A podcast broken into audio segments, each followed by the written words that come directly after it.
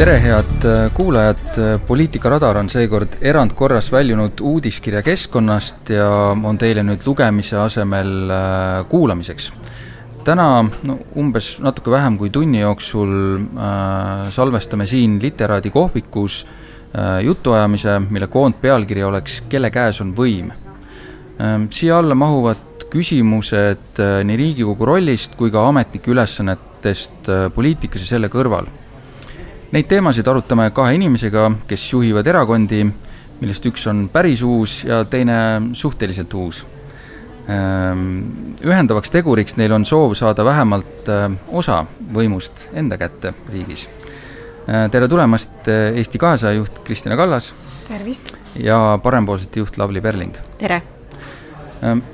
alustame võib-olla sellest kõige akuutsemast teemast. Ehm, ühiskond on just läbi teinud sellise Äh, üsna intensiivse arutelu teemal, kas ametnikud otsustavad Eesti asjades äh, liiga palju, kas nad on nii-öelda suletud süsteemis, kus vahetatakse omavahel toole ja ametikohti, ähm, või siis kes tegelikult ja kuidas otsustab, mida Eesti riigis tehakse. et äh,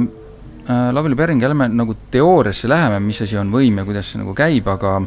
aga tunnetuslikult, kas Eestis poliitikud üldse saavad teha seda, milleks nad on valitud, ehk siis neid nii-öelda oma poliitikaid ellu viia? targad ja arukad poliitikud ikka saavad. Ja, ja ja selle lühikese vastusega võiks ju piirduda, aga, aga aga saavad, aga nii nagu ikka maailmas tuleb ju arutada, koostööd teha ja nii edasi ja nii edasi, aga see, et kas äh, nüüd ametnikud otsustavad ja poliitikud ei äh, saa midagi teha, no see on vale. tegelikult taandub alati kõik ikkagi konkreetsetele inimestele, kui te küsite, kas süsteem tervikuna võimaldab, jah, võimaldab tuleb äh, olla nõudlik iseenda suhtes ja teiste suhtes ja oma otsus konkreetselt ära teha. Kristina? no minu arust meie süsteem on ametnike poole kaldu mitte sellepärast, et ametnikud teevad halvasti oma tööd, vaid vastupidi, sellepärast et ametnikud teevad oma tööd väga hästi ja poliitikud teevad oma tööd väga halvasti ehk siis äh, ametniku käes on äh, nii-öelda see info ja see analüüs ja need andmed, mis on poliitikul vaja selleks, et äh, teha poliitilisi otsuseid ähm,. Kui poliitikul ei ole poliitilisi eesmärke, ehk siis on tulnud ministeeriumit juhtima või Riigikogusse ilma konkreetse plaanita, miks ta seal on ja mil, mille pärast ta seal võitleb, noh, siis ta põhimõtteliselt kujunebki selliseks ähm, Äh, ametkondade poolt juhitavaks ministriks, eks ole, tuleb hommikul tööle, portfell käes, sõidab ukse ette, talle antakse päevakava ette, mis on ametnike poolt ette valmistatud, siis ta mööda päevakava jookseb, siis ta läheb õhtul koju, tunneb, et oh, tööpäev on läbi, oli raske tööpäev, eks ole. aga kui sa mõtled, aga miks sa seda tööd teed, kas selleks, et hommikul jälle portfelliga uuesti majja minna ja teha ära see töö, mida ametnikud on ette valmistanud või sellepärast, et sa oled seal ministeeriumis ja minister sellepärast, et sa ise tahad äh, ära teha üks-kaks-kolm asja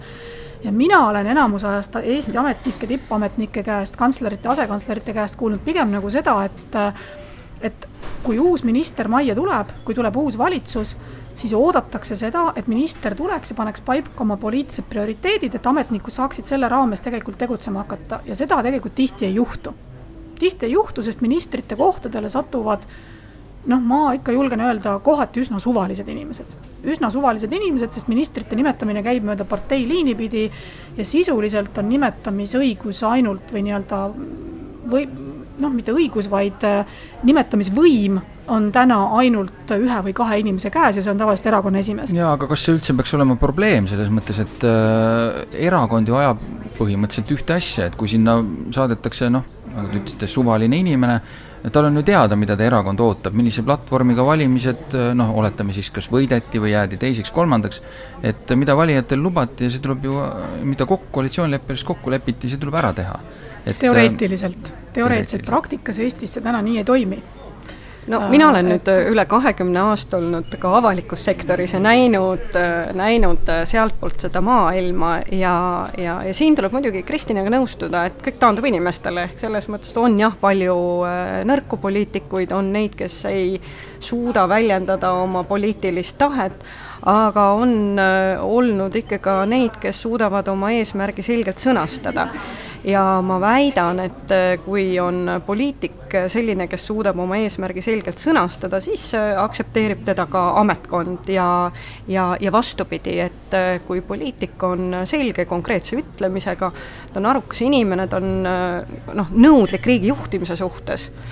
siis, äh, siis teevad ametnikud temaga koostööd ja, ja vastupidi, et ametnikkond toetab tema, teda oma selliste poliitiliste eesmärkide saamisel, sest ühes me oleme kindlad, ma ei, või ühte meelt ma olen veendunud, et riiki peavad juhtima poliitikud. ja see on see, miks poliitika peab olema kvaliteetne, miks poliitikasse on vaja uusi jõude, miks poliitikasse on vaja uusi ja kvaliteetseid inimesi. no kas see mäng ei ole selles mõttes ebavõrdne, et äh, mõni ametnik, mul on enam-vähem umbes neli selliselt ka öeldud, et ma olen näinud seitset ministrit äh, ja noh, näen ka kaheksandat, eks ole, ja kogu selle aja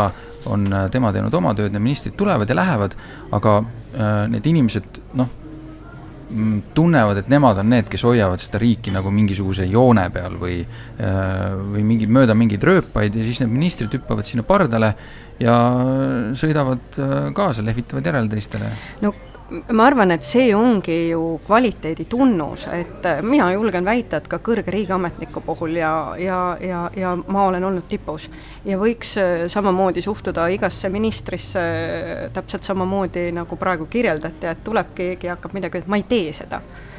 miks? Sellepärast, et ma tahan elada demokraatlikus riigis, kus riiki juhivad äh, ikkagi poliitikud. mis ei tähenda nagu seda, et äh, kui poliitik äh, on leebelt öeldes kas rumal, annab imelikke korraldusi või veel enam äh, käitub minu hinnangul kuidagi selliselt, mis ei ole Eesti riigile kasulik, siis ma loomulikult äh, pean käituma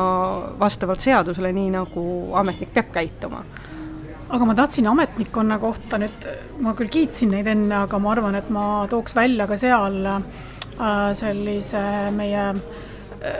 nõrgaks kujunenud kohad ja see on paratamatus mingis suhtes, sellepärast et äh, süsteemi oleme me täna ehitanud kolmkümmend aastat ja süsteem on mingis mõttes küpseks muutunud. ja see küpse süsteemi probleem on see, et enam ei suudeta omaenda vigu näha ja ametkonnas on täna juhtunud selline olukord, kus teatud selliseid kriise äh, ei ole suudetud ette näha, ei ole suudetud kriisidele adekvaatselt reageerida, see ei ole enam poliitiline otsus, et kui tuleb nagu kriis, siis ametkond peab olema tegelikult võimeline sellele kriisile adekvaatselt tegude ja, ja otsustega nagu reageerima. ja see on meil küll kujunenud täna probleemiks, ma arvan, et Covidi kriisi ajal me nägime seda esimest korda, kus Terviseamet, kogu Terviseameti ametnikkond absoluutselt ei olnud selleks valmis ja ei saanud tegelikult ka esimese Covidi aastaga kuidagi nagu hakkama selle kriisi juhtimisega, ei saanud lõpuks ka vaktsineerimisega hakkama, ka Sotsiaalministeeriumi ametnikkond ei saanud hakkama. ja seal on nüüd küll mingi viga sees, millest Meelis Oidsalu on päris palju rääkinud, et seal, seal hakkab tulema selline eneseõigustamine, üksteise ringkäendusega kaitsmine. et nojah, et aga me ei saanudki seda teha või me ei olekski pidanud seda tegema, et tema pidi hoopis seda tegema. et meil on natuke sellist mugandumist ja sellist mittetahtmist Äh, kohustusi võtta ja vastutada teatud asjadest ametnikkonnas no, ja miski ei ähvarda ka. ma näen Mitte seda sama asja ka, sama asja ka teiselt poolt, et kui, kui meil on äh, nii-öelda mm, poliitik, kes ütleb, et no jaa, et mingid asjad lihtsalt on nii, et me ei saa sinna mitte midagi mm -hmm, parata. et ähm, äh, ei saa teha seda, teist, kolmandat, sest et äh, nii on, kes, kes seal kõneleb, kas seal kõneleb äh, see poliitik või tegelikult on ametnikud talle selgeks teinud toonud laua peale ühe virna pabereid, mis kõik tõestavad ära, kuidas mingit asja teha ei Pigem saa. aga see, on jälle nii või naa. teate, kaheksa aastat tagasi juhtus minuga selline lugu, et äh, sellel päeval, kui mind nimetati ametisse, siis ütles üks kõrge riigiametnik mulle, et nojah, et äh, lihtne on nende kõrgeametnikega sellel päeval, kui nad ametisse nimetatakse, et keeruline on sellel viimasel päeval, et siis tuleb hakata neile tööd otsima. Ja ma mäletan tookord seda lauset, mida ma ütlesin, et tead, aga minu arvates ei peagi olema avaliku sektori juhid nagu kosmoseprahted, kes on kunagi orbiidile lennutatud, need sinna ka jäävad. Ehk ja tookord ma ka ütlesin seda, et ma arvan, kui ma olen kas riigi peaprokurör või kalarookija tehases tööl, kui ma teen tööd, kui ma pingutan ja teenin oma leiva välja, siis ma leian ka pärast seda ametiaega tööturul töö. ja kui seda ei ole, noh, siis tuleb ära minna, ehk minu sõnum on see, ehk mida, mida, mida ma olen näinud, on, on selline sellises noh, heaoluühiskonnas langemine ka ametnikkonna puhul sellisesse mugavustsooni mm, -hmm. et noh, nii on kogu aeg olnud ja see nüüd on jällegi mõnes mõttes selline avaliku sektori juhtimise küsimus, avalikus sektoris on väga tugevaid häid juhte. aga minu meelest jällegi ei ole mõtet nagu isegi nagu arutada, kes on süüdi või kes on nagu nagu parem või halvem, minu meelest tuleks mõelda selle peale, et mis need lahendused on. ja, ja noh, siin on ju teistel riikidel palju näiteid rotatsioonist, et noh, ma ei tea, Taani kasutab muuhulgas näiteks korruptsioonivastase vahendina seda, et avaliku sektori ja erasektori juhid vahetuvad ja nii edasi, et, et kogu aeg hoida tegelikult see teatud värskus ja teatud selline selline kvaliteet selles avalikus sektoris alles, et ei oleks võimalust öelda, et aga nii ei saa. Aga seda peavad ju juhid teadma, et ei ole olemas vastust, seda ei saa teha, vaid küsima peab, kuidas saab teha no meil ju mõned poliitikud ju ka küsivad, et ähm, kuidas saab näiteks, ma ei tea, teise pensionisamba teha vabatahtlikuks, mis iganes, me võime rääkida sellest, kas mingi asi on poliitiliselt hea mõte või ta ei ole hea mõte äh,, aga see, niisugust varianti, et seda ei saaks teha, ei tohiks ju tegelikult olla. aga, aga me näeme sellist äh, noh, vastutöötamist, äh, sellist, ma ei tea, Itaalia streigi moodi jala lohistamist, kuidas näiteks praegu selgub, et seesama mm, nii-öelda peretoetuste tõus, eks ole, osad asjad, mingi IT-lahendus, mis iganes põhjendused, jär-, see võtab järsku kaks ja pool aastat aega. kui te, ja poliitikul, ma arvan, kui tal on seina peale lastud hunnik slaide sellest, kui keeruline see süsteem kõik on, siis ei olegi võimalik sellest kuidagi nii-öelda välja pääseda, kuidas tal peaks olema võimalik öelda, et et äh, ei, tehke ikka. no nüüd lõpuks ikkagi öeldi, et äh, koalitsioon leppis eelarve läbirääkimistes kokku, et tuleb teha. et äh, mis nüüd saab, et äh, meil on olukord, kus on justkui öeldud, et ei saa, aga peab saama no äkki see näide muidugi oligi see hea näide, kus nagu ametnikud tahtsid rumaluse ära hoida, et selles mõttes, et kuni kahekümne neljanda eluaastani äh, nagu lastetoetus ei ole üldiselt mõistlik lahendus, et ma ei ja tea seda. kas neil on see aga, õigus aga üldse? ei ole neil seda õigust ja, ja ära hoida rumalust? Jah, ilmselt kui veenmisega ei saa, siis äh, ei olegi võimalus seda ära hoida. seda saavad ära hoida valijad seda saavad ära hoida valijad, kes peaksid neid äh, selliseid äh, rumalusi meeles pidama ja, ja, ja valimistel oma sõna ütlema no ma ikkagi arvan, et neil on see õigus ja ma arvan, õigus ei ole nagu õige sõna, neil on tegelikult see kohustus rumalusi püüda ära hoida.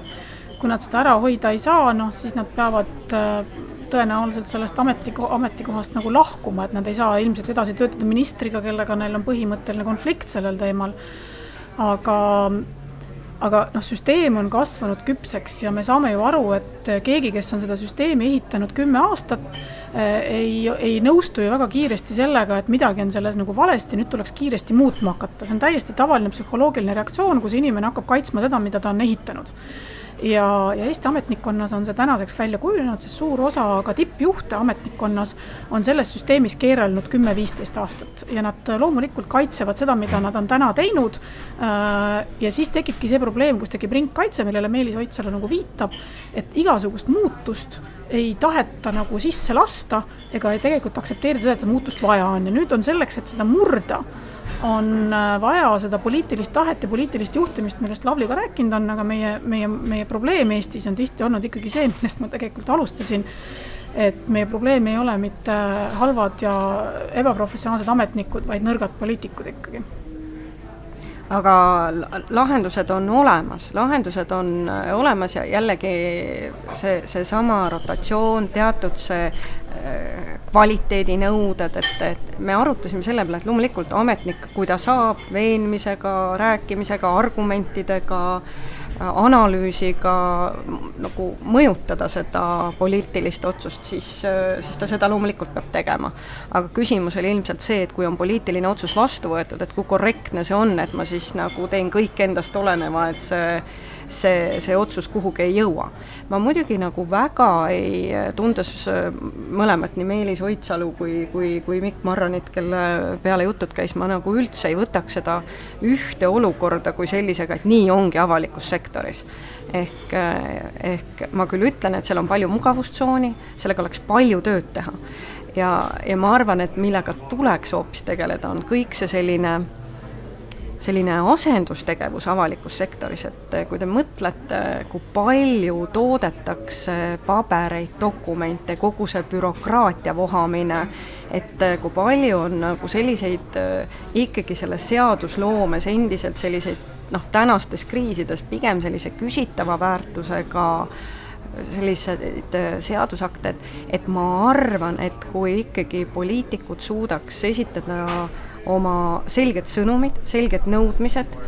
siis äh, on võimalik see avalik sektor saada oluliselt kvaliteetsemaks. aga ma kordan, seal on väga häid äh, juhte, kelle peale võiks kade olla, ma arvan, nii mõnigi erasektori ettevõte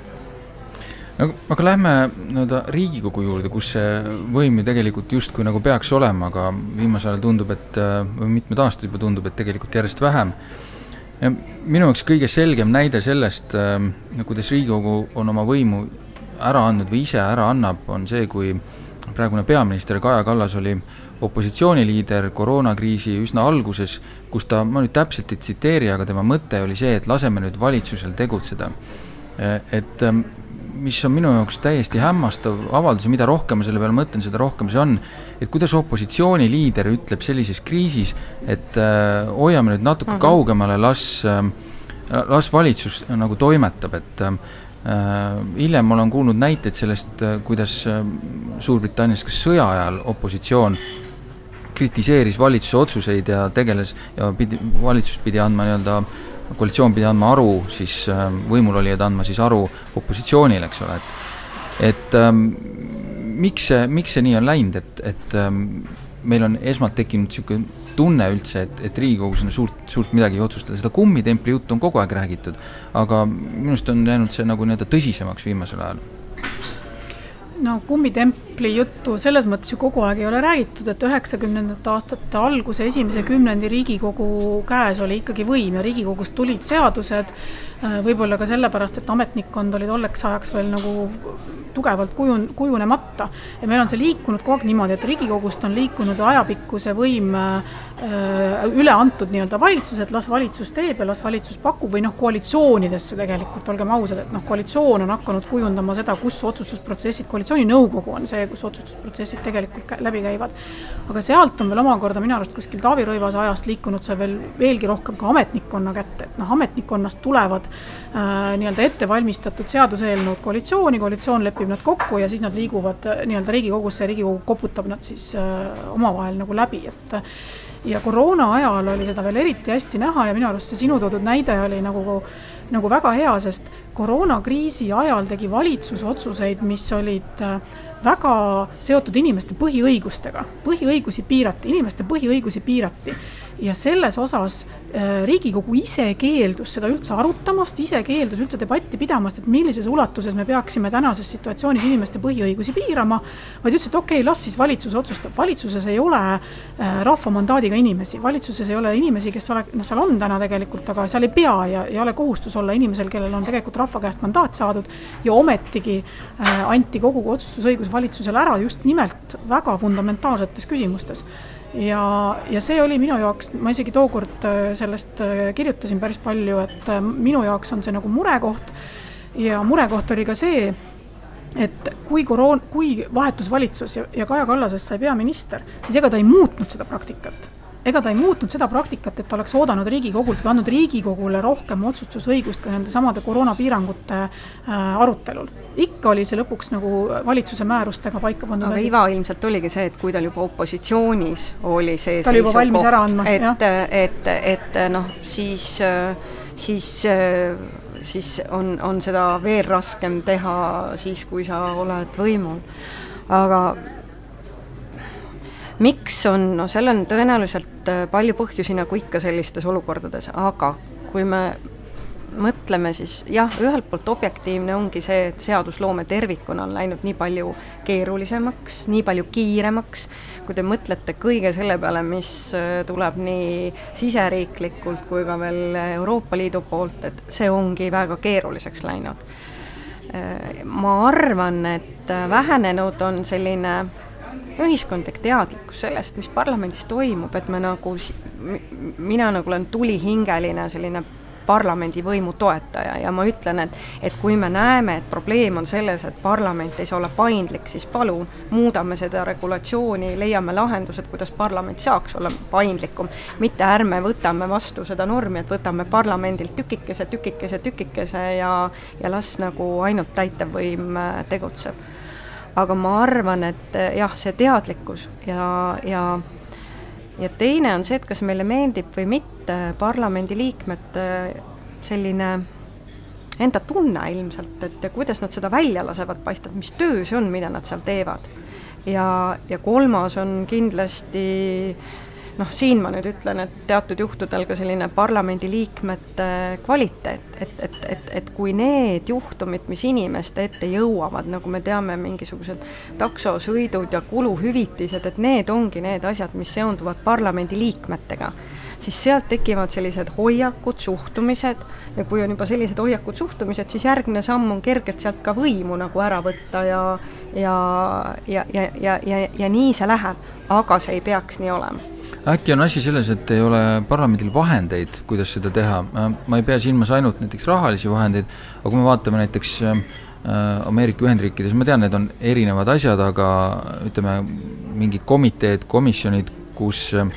mingid äh, poliitikud peavad aru andma, see võtab inimestel ikkagi nagu otsaasise higiseks, kui nad peavad selle komisjoni ette minema. Eestis sellist asja ei ole, et Eestis isegi eelnõu kaitsmine ei, tõenäoliselt natukenegi kogenumal poliitikul nagu suurt pulssi üles ei ei tõsta, ta peab, et teab, et ta peab umbes kolm tundi püsti seisma, aga kui ta selle ära teeb, siis on see nagu ka tehtud. et, et see ei ole nagu mingi tõsine asi, mille pärast peaks nagu muretsema. meil äh, tegelikult on see kohustus, meil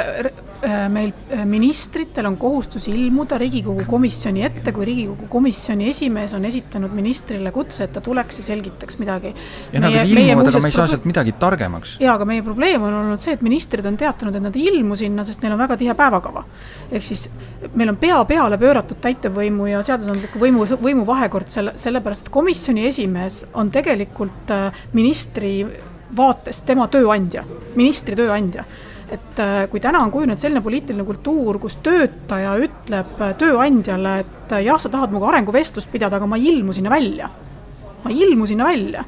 siis tööandjal kahjuks täna ei ole hoobasid, et seda ministrit sealt siis nii-öelda korrale kutsuda ja ametist äh, maha võtta. seda hooba täna ei ole ja siin me jõuame selleni ka, kuidas ministrid ametisse nimetatakse Eestis. ministreid ei nimeta ametisse isegi mitte valitsus, isegi peaministril ei ole ministrikandidaatide kohta ühtegi sõna öelda. riigikogul ei ole ministrikandidaatide kohta mitte ühtegi sõna öelda, nad mitte keegi selles protsessis ei osale peale erakonna esimehe, kes ütleb, et äh, mina saadan sulle sinna need inimesed, need te peate võtma. no siin ma jään eriarvamusele, ma arvan, et erakond peabki valima oma ministrid ja see, kui need on sellised, kelle puhul on suured küsimärgid kvaliteedi suhtes, siis see ju kõneleb erakonnast. ehk, ehk ministrid ju saadetakse selleks, et poliitilist tahet äh, ellu viia. nüüd jällegi tuues nagu lauda kogemuse, et et mina arvan, et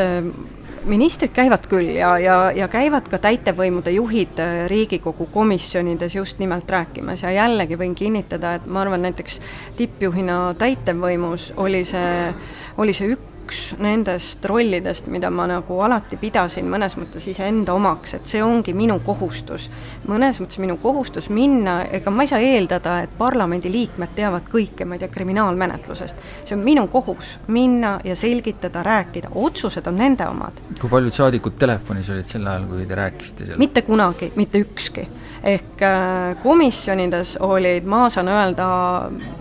väga sellised äh, konstruktiivsed arutelud, võib-olla mis, mis, mis oli, mille üle võiks nagu olla kriitiline, on see täpselt see otsustus, mis sealt siis tuli, on ju, et noh, et kui palju nad kuulasid. nüüd äh, jaa, aga sellepärast ma alustasingi, võib-olla see esimene põhjus oli seesama, et, et vahendid aga ma arvan jälle, et noh, mis need vahendid on, et, et noh, on ju palju arutatud, et no igal, igal parlamendiliikmel võiks olla rohkem äh,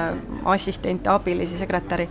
ma jällegi usun, et kui on parlamendiliige, kes tahab nagu olla selle valdkonnaga kursis, tal on ju võimalik täna teha see endale algusest lõpuni selgeks, tal ju need võimalused on olemas, kui on nagu tahtmine olemas. aga no mis te mõtlete, et noh, need taksosõidjad ja muidu seal käijad ja, ja lärmajad, et kas neil on nagu mingisugune motivatsioon midagi endale selgeks teha, ei ole ju. et seal on nagu selged kvaliteediprobleemid ja võib-olla ka suutmatus üldse aru saada neist asjadest mõne mehe või naise puhul aga võib-olla ei ole konkurentsi nende kohtade peale siis, et kui me vaatame seda palganumbrit äh,, lihtsalt sinna inim-, küll erakonnad räägivad, et neil on raske leida inimesi, kes oleksid nõus kandideerima äh,, see näitab, et, et seal ei ole kellelgi ei ole mingit konkurentsi, konkurentsi ei teki, inimestel ei ole motivatsiooni pääseda parlamenti. Ehm, ma olen aru saanud, et ikkagi noh, kui keegi on väga tõsiseltvõetav kandidaat, siis talle peab ikka vähemalt juba pakkuma ette ära, et mis ministriks potentsiaalselt võiks inimene saada, et et see parlamendi koht noh, ma usun, et seda ei ole just kuigi paljud, kes teevad seda sellepärast, et tehagi parlamendi tööd, eesmärk on ikkagi ministriks saada. sellest saja ühest või? ehk siis küsimus on selles, kas, kas neile makstakse piisavalt üleüldse? mina arvan küll, et makstakse piisavalt, see on neljakordne Eesti keskmine palk varsti, mida nad saavad, et et äh, ma, ma tulen korra ikkagi selle parlamendi nii-öelda kui tööandja rolli juurde tagasi, sellepärast et seda täna, see on täna ära vajunud, et Raivo Varem mulle kunagi rääkis, et kui tema riigiministriks nimetati, siis ta pidi kõigepealt minema, loomulikult erakond nimetas ta, aga ta pidi minema kõigepealt parlamendikomisjoni ette ära ülekuulamisele, siis ta pidi minema parlamendi ette, suurde saali, Riigikogu ette ja seal iga minister siis nii-öelda kuulati avalikult üle, selleks et minister seisaks, selgitaks ära, mis asjade eest tema siis tegelikult selles positsioonis tööle hakkab ja loomulikult ega parlament ei hääleta ministrit maha aga seda nii-öelda avalikud äh, ministrite kuulamised äh, olid need, kus parlament sai näidata oma tööandja niisugust töövestluse äh, rolli seal, seda täna ei ole. minister ilmub lihtsalt valitsuse istungile järgmisel päeval, sest erakond on ta sinna nimetanud, keegi ei tea, kes ta on, nagu põrsas kotis võetakse välja ja siis me hakkame teda katsetama alles siis, kui ta päriselt seisab juba otsustusprotsessi sees. ehk siis, et noh, see on, ma arvan, et Eesti riik on nagu liiga kallis selleks, et me igaühele sellist nii-öelda koolitusraha peaksime nagu ära maksma ministriametis, et, et seal tuleks küll minu arust seda protsessi muuta ja see minister peaks suutma enda eest seista ka Riigikogu ees ja Riigikogul peaks olema võimalus ministrit nagu üle kuulata. Aga mina arvan, seda, see palk on täiesti piisav. Äh, riigikogu on rahvaesindus, Riigikogu ei ole äh, noh, see koht, kus sa peaksid olema üdini ainult mingi konkreetse kitsa valdkonna juht või professionaal, sa oled rahvaesindaja, sinu ülesanne on jälgida, et need poliitilised otsused oleksid sinu mandaadist tulenevalt ja mida inimesed on sulle andnud, mille eest sa seal seisad ja selle eest sa seal seisad. aga sul peavad olema need vahendid selle eest seista, täna tihti neid vahendeid ei ole, vahendid on infotunnid ja noh, siis komisjonides vaidlused, aga noh, kipub olema niimoodi, et koalitsioon on juba enne komisjoni istungit ju kokku leppinud, kuidas neid asju nagu hääletatakse, et liiga palju on muidugi neid parteisõdureid, kes lihtsalt kätt tõstavad ja, ja kellel tegelikult oma aga soovid mina muidugi ole. oleks valmis avama siiski ja arutama selle parlamendiliikme tasu üle, sest äh, sest äh, küsimus on loomulikult äh, sellises ideaalses maailmas, millest rääkis äh, Max Weber, eks ju, et on kahte sorti poliitikud, ühed on füürpolitiik ja teine on fondpolitiik, et, et kvaliteetset poliitikat teevad need, kes on füürpolitiik, ehk nad, nad elavad selle jaoks, et midagi ära teha läbi poliitika ja neil ei ole raha vaja ehk äh, loomulikult selles mõttes, et sellises ideaalses maailmas, kus meil on nii kõrge missioonitundega inimesed, et äh, nad tulevad ja neli aastat äh, teevad seda, seda, seda tööd südame ja hingega, on, aga me ei ela ideaalses maailmas, nagu me teame. mis tähendab seda, et, et kui me täna võrdleme seda palka selliste valdkonna tipupalkadega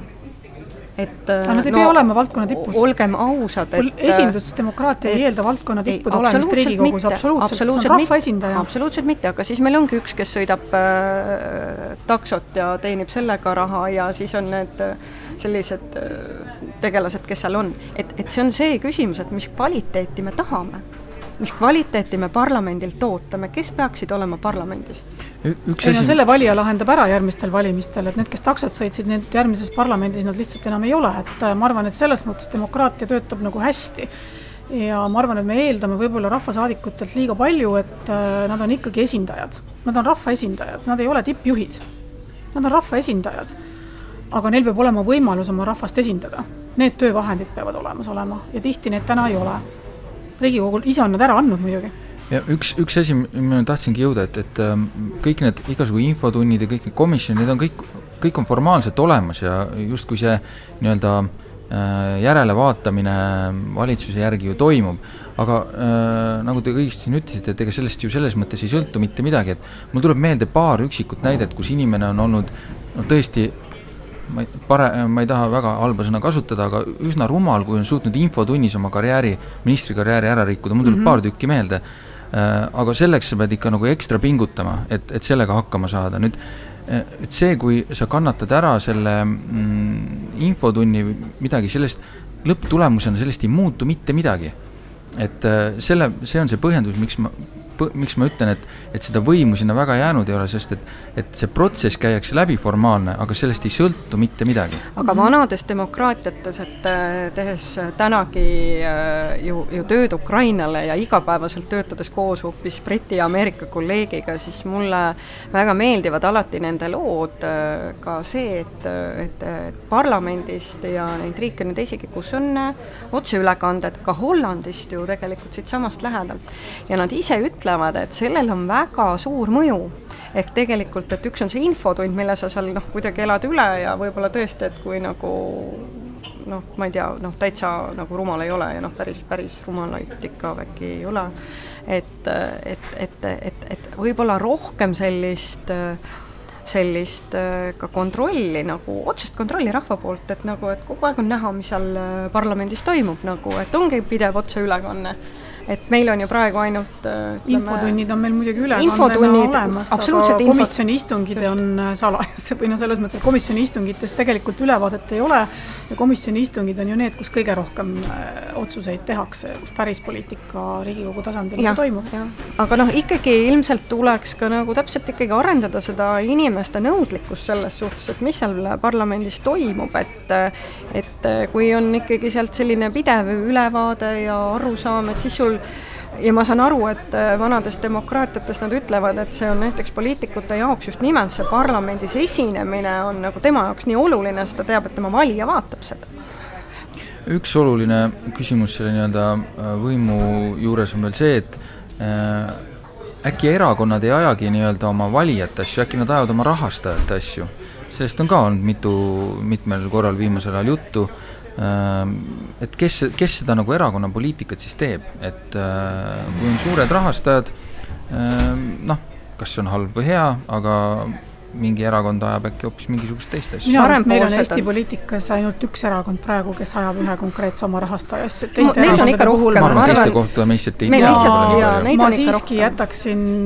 ma pigem arvan, et mitte oma kogemusest, nüüd nelja-aastasest kogemusest, aga üks erakond ajab konkreetselt oma rahastajasse ütleme nii, et äh, muideks parempoolsed täna literaadis tähistavad kõrval äh, oma, või mis tähistavad, peavad oma liikmeõhtut. miks ma sellele vastan, nii et noh, tervitused sinna kõrvallauda. aga miks ma sellest räägin, on see, et me oleme välja öelnud ka väga selgelt seda, et, äh, et meie rahastamispoliitika on kolm pluss kolm ja rahast-, erakondade rahastamine on kindlasti üks meie sellistest olulistest teemadest täna organisatsioonikultuuris ja tulevikus riigijuhtimise juures. mis tähendab kolm pluss kolm? tegelikult peab kehtima väga selge põhimõte ja ma arvan, see kolm pluss kolm ei peaks kehtima mitte ainult parempoolsete puhul, vaid kõikjal. esiteks, kolm kohta, kust tuleb raha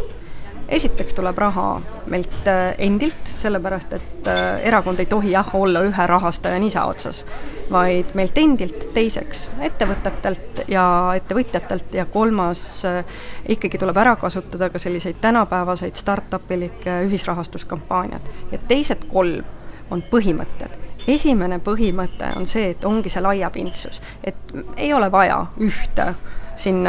rahastajad, kellest ka Ekspress kirjutab, kes annab sada tuhat kvartalis. on vaja sada inimest, kes annavad tuhat eurot või tuhat inimest, mis annavad sada eurot ja see annab vabaduse kujundada poliitikat teine on läbipaistvus. ma arvan, et ka väikeste erakondade puhul on küsimus, et kui üksikinimesed annetavad kakskümmend tuhat eurot, kust raha tuleb ehk äh, see, see, see läbipaistvus ei ole sõnakõlks, see peab olema päriselt läbipaistev. ja siin on kindlasti noh, ajakirjandusel hästi tähtis roll kogu aeg küsida, nagu aruanne tuleb, et üksikisik kakskümmend tuhat väga suur raha, et ära annetada erakonnale. ja kolmas põhimõte on see, et vastuteeneid ei osutata. ja kui, kui, mida ma olen ka toetanud äh, nii oma, ma arvan, kümme aastat, et kui on alati küsitud, et kas peaks äh, rohkem kinni panema selle sellise eraraha juurdevoolu erakondadesse, siis ma ütlen ei. et pigem mina ütlen ausalt, see võiks veel avatum olla. ehk äh, ma ei näe üldse põhjust, miks juriidiline isik, kui tema kasusaaja, ta on läbinähtav, või annetada. miks? sellepärast, et see läbipaistvalt aga laiapõhjaline rahastamine toob kaasa selle, et tekib konkurents, tekib konkurents erakondade vahel ja päeva lõpuks seda näevad valijad ja valijad ikkagi ju ei taha näha seda, et et, et ongi üks korruptsiooniskandaal ajab teist taga, üks kilekoti lugu ja siis veel kolmas sajatuhandene mm. Selline no, no neid põhimõtteid ju rakendavad kõik erakonnad, et ma ei saa öelda, et keegi seda ei rakenda. Nad ei rakenda, vastupidi, kõik räägivad sellest, aga rakendajaid ei ole. ei no kõikidel erakondadel on nii liikmemaksud kui ettevõtjate toetused kui, kui ka ühisrahastuse platvormid, mida kasutatakse nagu raha tõstmiseks, et need on nagu kõik olemas meie probleem minu arust on see, et, et kuna üks inimene, kellel võib olla hästi palju raha või on need ka kaks inimest, kellel on tõsiselt hästi palju raha, siis nad saavad oma suure rahakotiga poliitikaid osta lihtsalt selle tõttu, et äh, valimistulemusi mõjutab rahakott päris palju.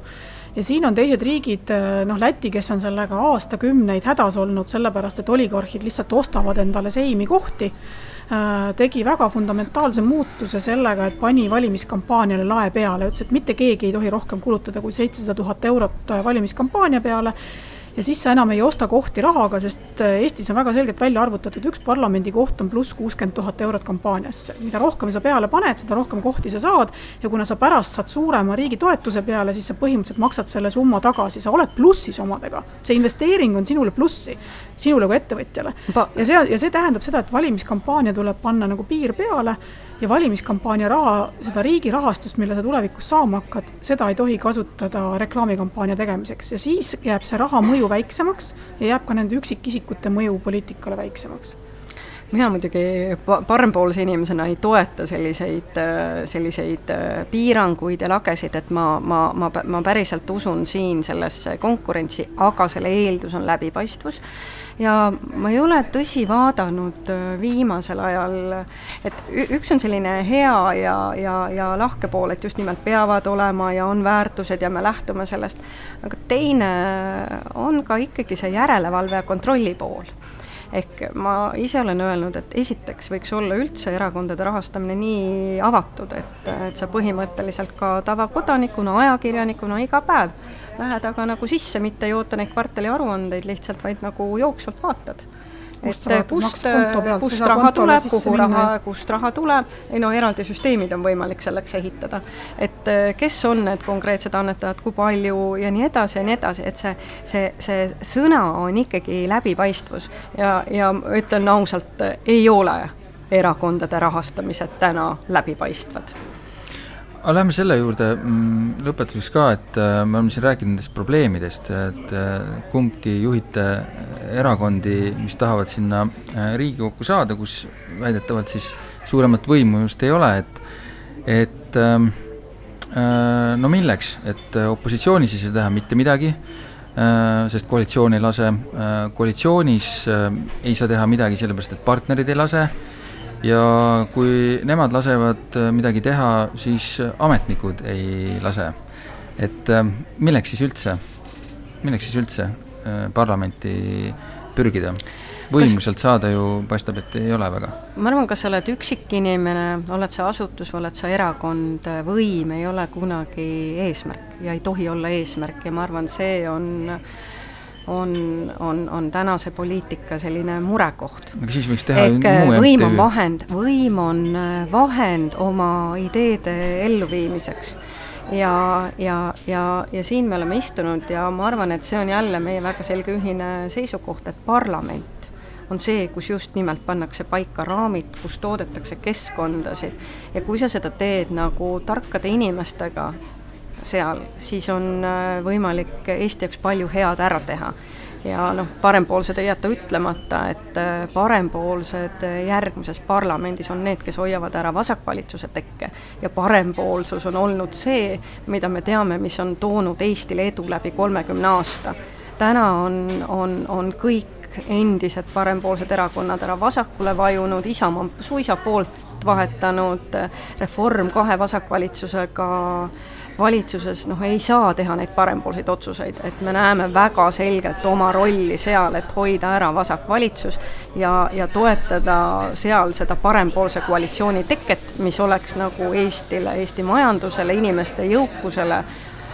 hea ja väga hea lahendus. no te räägite ka uuest kultuurist, et ähm, ma olen juba poliitika ajakirjandusega vist piisavalt palju tegelenud, mulle tundub see kõik nagu selles mõttes déjà vu, et kõik uued tulijad räägivad, äh, kuidas nad toovad täiesti uue kultuuri ja täiesti Ai, sellest me ei ole rääkinud, nii naiivsed me ei pikk, ole. ja pikk plaan muidugi on ka mida kõik, mida kõik lubavad, et et äh, me räägime värskusest ja uut, uue energiaga inimeste toomisest poliitikasse, et äh, et demokraatia üks, üks kõige fundamentaalsemaid elemente on võimuvahetuse eeldus see eeldus, et võim peab teatud perioodide vahel vahelduma, vahetuma. aga kui ta on hea ja töötab, mis tast vahetada? ei no aga ta ei, mitte kunagi ei ole võim hea, kui ta on kakskümmend kahe, kakskümmend kaks aastat on üks ja sama inimene võimu juures olnud, see ei ole lihtsalt noh, mitte ühtegi näidet selle kohta, et see oleks hea, ei ole olnud ja, ja see, et nelja aasta, miks, miks, miks demokraatlikus süsteemis on see eeldus, et valimised peavad regulaarselt toimuma, et ei saa olla niimoodi, et neli aastat, noh, et täitsa hea valitsus on, ärme tee valimisi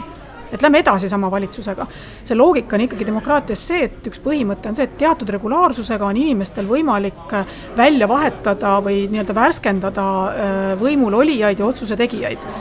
ja kui demokraatlikus süsteemis on ühiskond jõudnud sellisesse faasi, kus ta ei taha selles demokraatias osaleda, ta ei pane uusi inimesi välja, ta ei vär-, ta ei taha seda võimu värskendada, siis meil tekib, tekib stagnatsioon ja tekib selline seisak äh, ikka samad inimesed, samad teemad äh,, mugandumine ja selleks on äh, noh, see viib sinna, kus Nõukogude Liit mingil hetkel nagu vajus lihtsalt, lihtsalt totaalselt nagu kukkus ära ja ka kõik need riigid, kus on liiga kaua keegi võimule jäänud, on nagu ära vajunud. ja sellepärast on parempoolsete tulek, Eesti kahesaja tulek, roheliste, ma ei tea, iga valimistsükliga uute erakondade tulek on ainult meie demokraatia tugevuse näide see, et meil toimib tegelikult demokraatia ja seda uut värskust ja nii-öelda kolmandiku jagu vahetunud Riigikogu on tegelikult nagu väga vaja. seda on Aga... kogu aeg vaja selleks, et see võim magama ei jääks või ei muganduks või stagneeruks. see oht on alati olemas ja sellest, selleks tuleb nagu kodanikel kogu aeg nii-öelda oma valvsust mitte ära unustada ja kogu aeg valimistel mitte ainult hääletamas käia, vaid ka ise kandideerida. kui sa ise ei kandideeri, siis ega võimul ei ole, olemasoleval võimul ei ole tegelikult hirmu,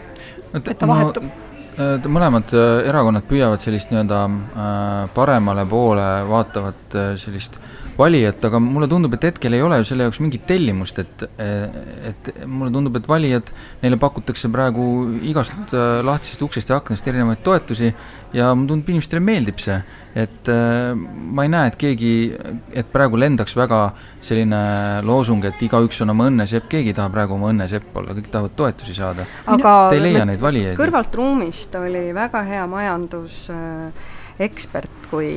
üks liige küsis küsimuse, et aga miks mitte laenu võtta, et kui kõik võtavad praegu ja praegu kõlab ju see kogu aeg argumendina, võtame laenu, anname toetusi. Ja mulle väga meeldis see vastus, et ta ütles, et noh, et kui suitsuhinnad alla lähevad, et noh, et äh, siis on suhteliselt nagu jabur lahendus, et hakkan suitsetama. ehk, äh, ehk, ehk, ehk siin on nagu samamoodi, inimestele tuleb päevast päeva seletada, et toetused teevad su aasta pärast vaesemaks sellepärast et sa kütad inflatsiooni juurde, et sa pead väga lihtsalt inimestele selliseid äh, asju näitama. kas parempoolne valija on olemas? ma olen äh, väga kindel, et parempoolne valija on olemas, sest noh, meie üritame küll värskuse kõrval, kuigi me oleme nii värsked, meid pole veel äriregistriski, et äh, teie olete saanud viis aastat ehitada, siis siis Neli. meil on nagu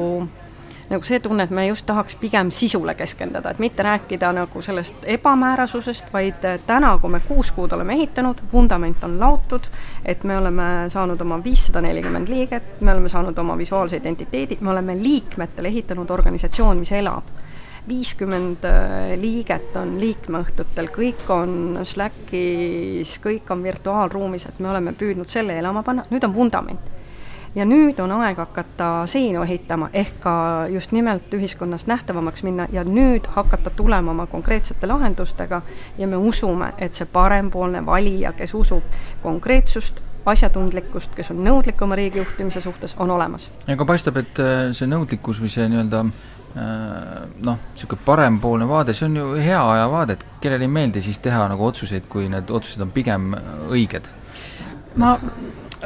mina näen seda asja natuke teistmoodi, ma ei ütleks, et Eesti kakssada nüüd kritiseerib toetuste andmist, me kritiseerime seda, et Äh,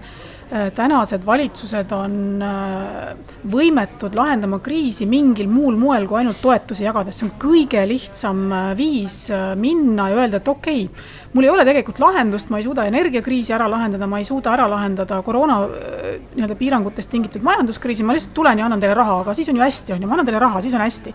et see, see lahenduste äh, nii-öelda tase on lihtsalt niivõrd primitiivseks muutunud ja sellel puudub igasugune pikaajaline tagajärgede eest vastutamine, sellepärast et need poliitikud ju teavad väga hästi, et sel hetkel, kui, kui toetustest tulenevalt on meil käes noh, tõsiselt äh, eelarve miinus äh, eelarves, siis neid lihtsalt seal enam ei ole, on ju. Neid, mäletatakse ikka kui toredaid inimesi, kes meile toetusi jagasid. ja ma saan sellest nagu äh, olukorrast aru, et samal hetkel tulla siin kõrvalt juttu rääkima, et see on tegelikult lühinägelik, see, see, see on kahjulik Eestile pikas plaanis, no valija täna ei ole valmis kuulama, sest talle anti raha, on ju, sest tal, tal on täna nagu halb seis aga probleem on ju halbades otsustes ja, ja võimetuses tegelikult kriisi lahendada muul moel kui inimestele raha kätte jagades. see on täna probleem. Ja, ja kriis jääb ikkagi lahendamata, ega kriis jääb ju ikkagi lahendamata, energiakriis jääb lahendamata, ükskõik kui palju me täna neid toetusi maksame, ega, ega toetused ei too meile rohkem elektrit turule ega toetustega ei ehitata valmis elektrijaamasid, see probleem jääb ju lahendamata. toetused jäägu ikkagi nagu nendele inimestele, keda tõesti noh, on vaja toetada, et et taaskord kõrvalruumist uudiseid tuues, et noh, need näited, kus ütleme, Eesti rikaste topis inimesed saavad, noh, hakkavad täna saama nii elektritoetust ilmselt basseinikütte jaoks ja roboti jaoks, mis basseini ka. puudutavad, nad saavad kõik lastetoetusi, et me raiskame selle raha ära nende peale ja me raiskame ju ära nende raha, kes tegelikult seda raha vajaks, et kui me võtame nagu lihtsa näite, minu arust Tallinna linn on nagu noh, noh, see ongi tegelikult paras õudusunenägu juhtimise seisukohalt. aga et kui te nagu mõtlete, et noh, et, et, et tehakse nägu, et anname kõikidele lastele viiskümmend eurot koolimineku puhul. Et ja see on minu meelest häbematus, sest äh, ka meiesugused saavad selle viiskümmend eurot. Ja mina olen valmis ütlema, et palun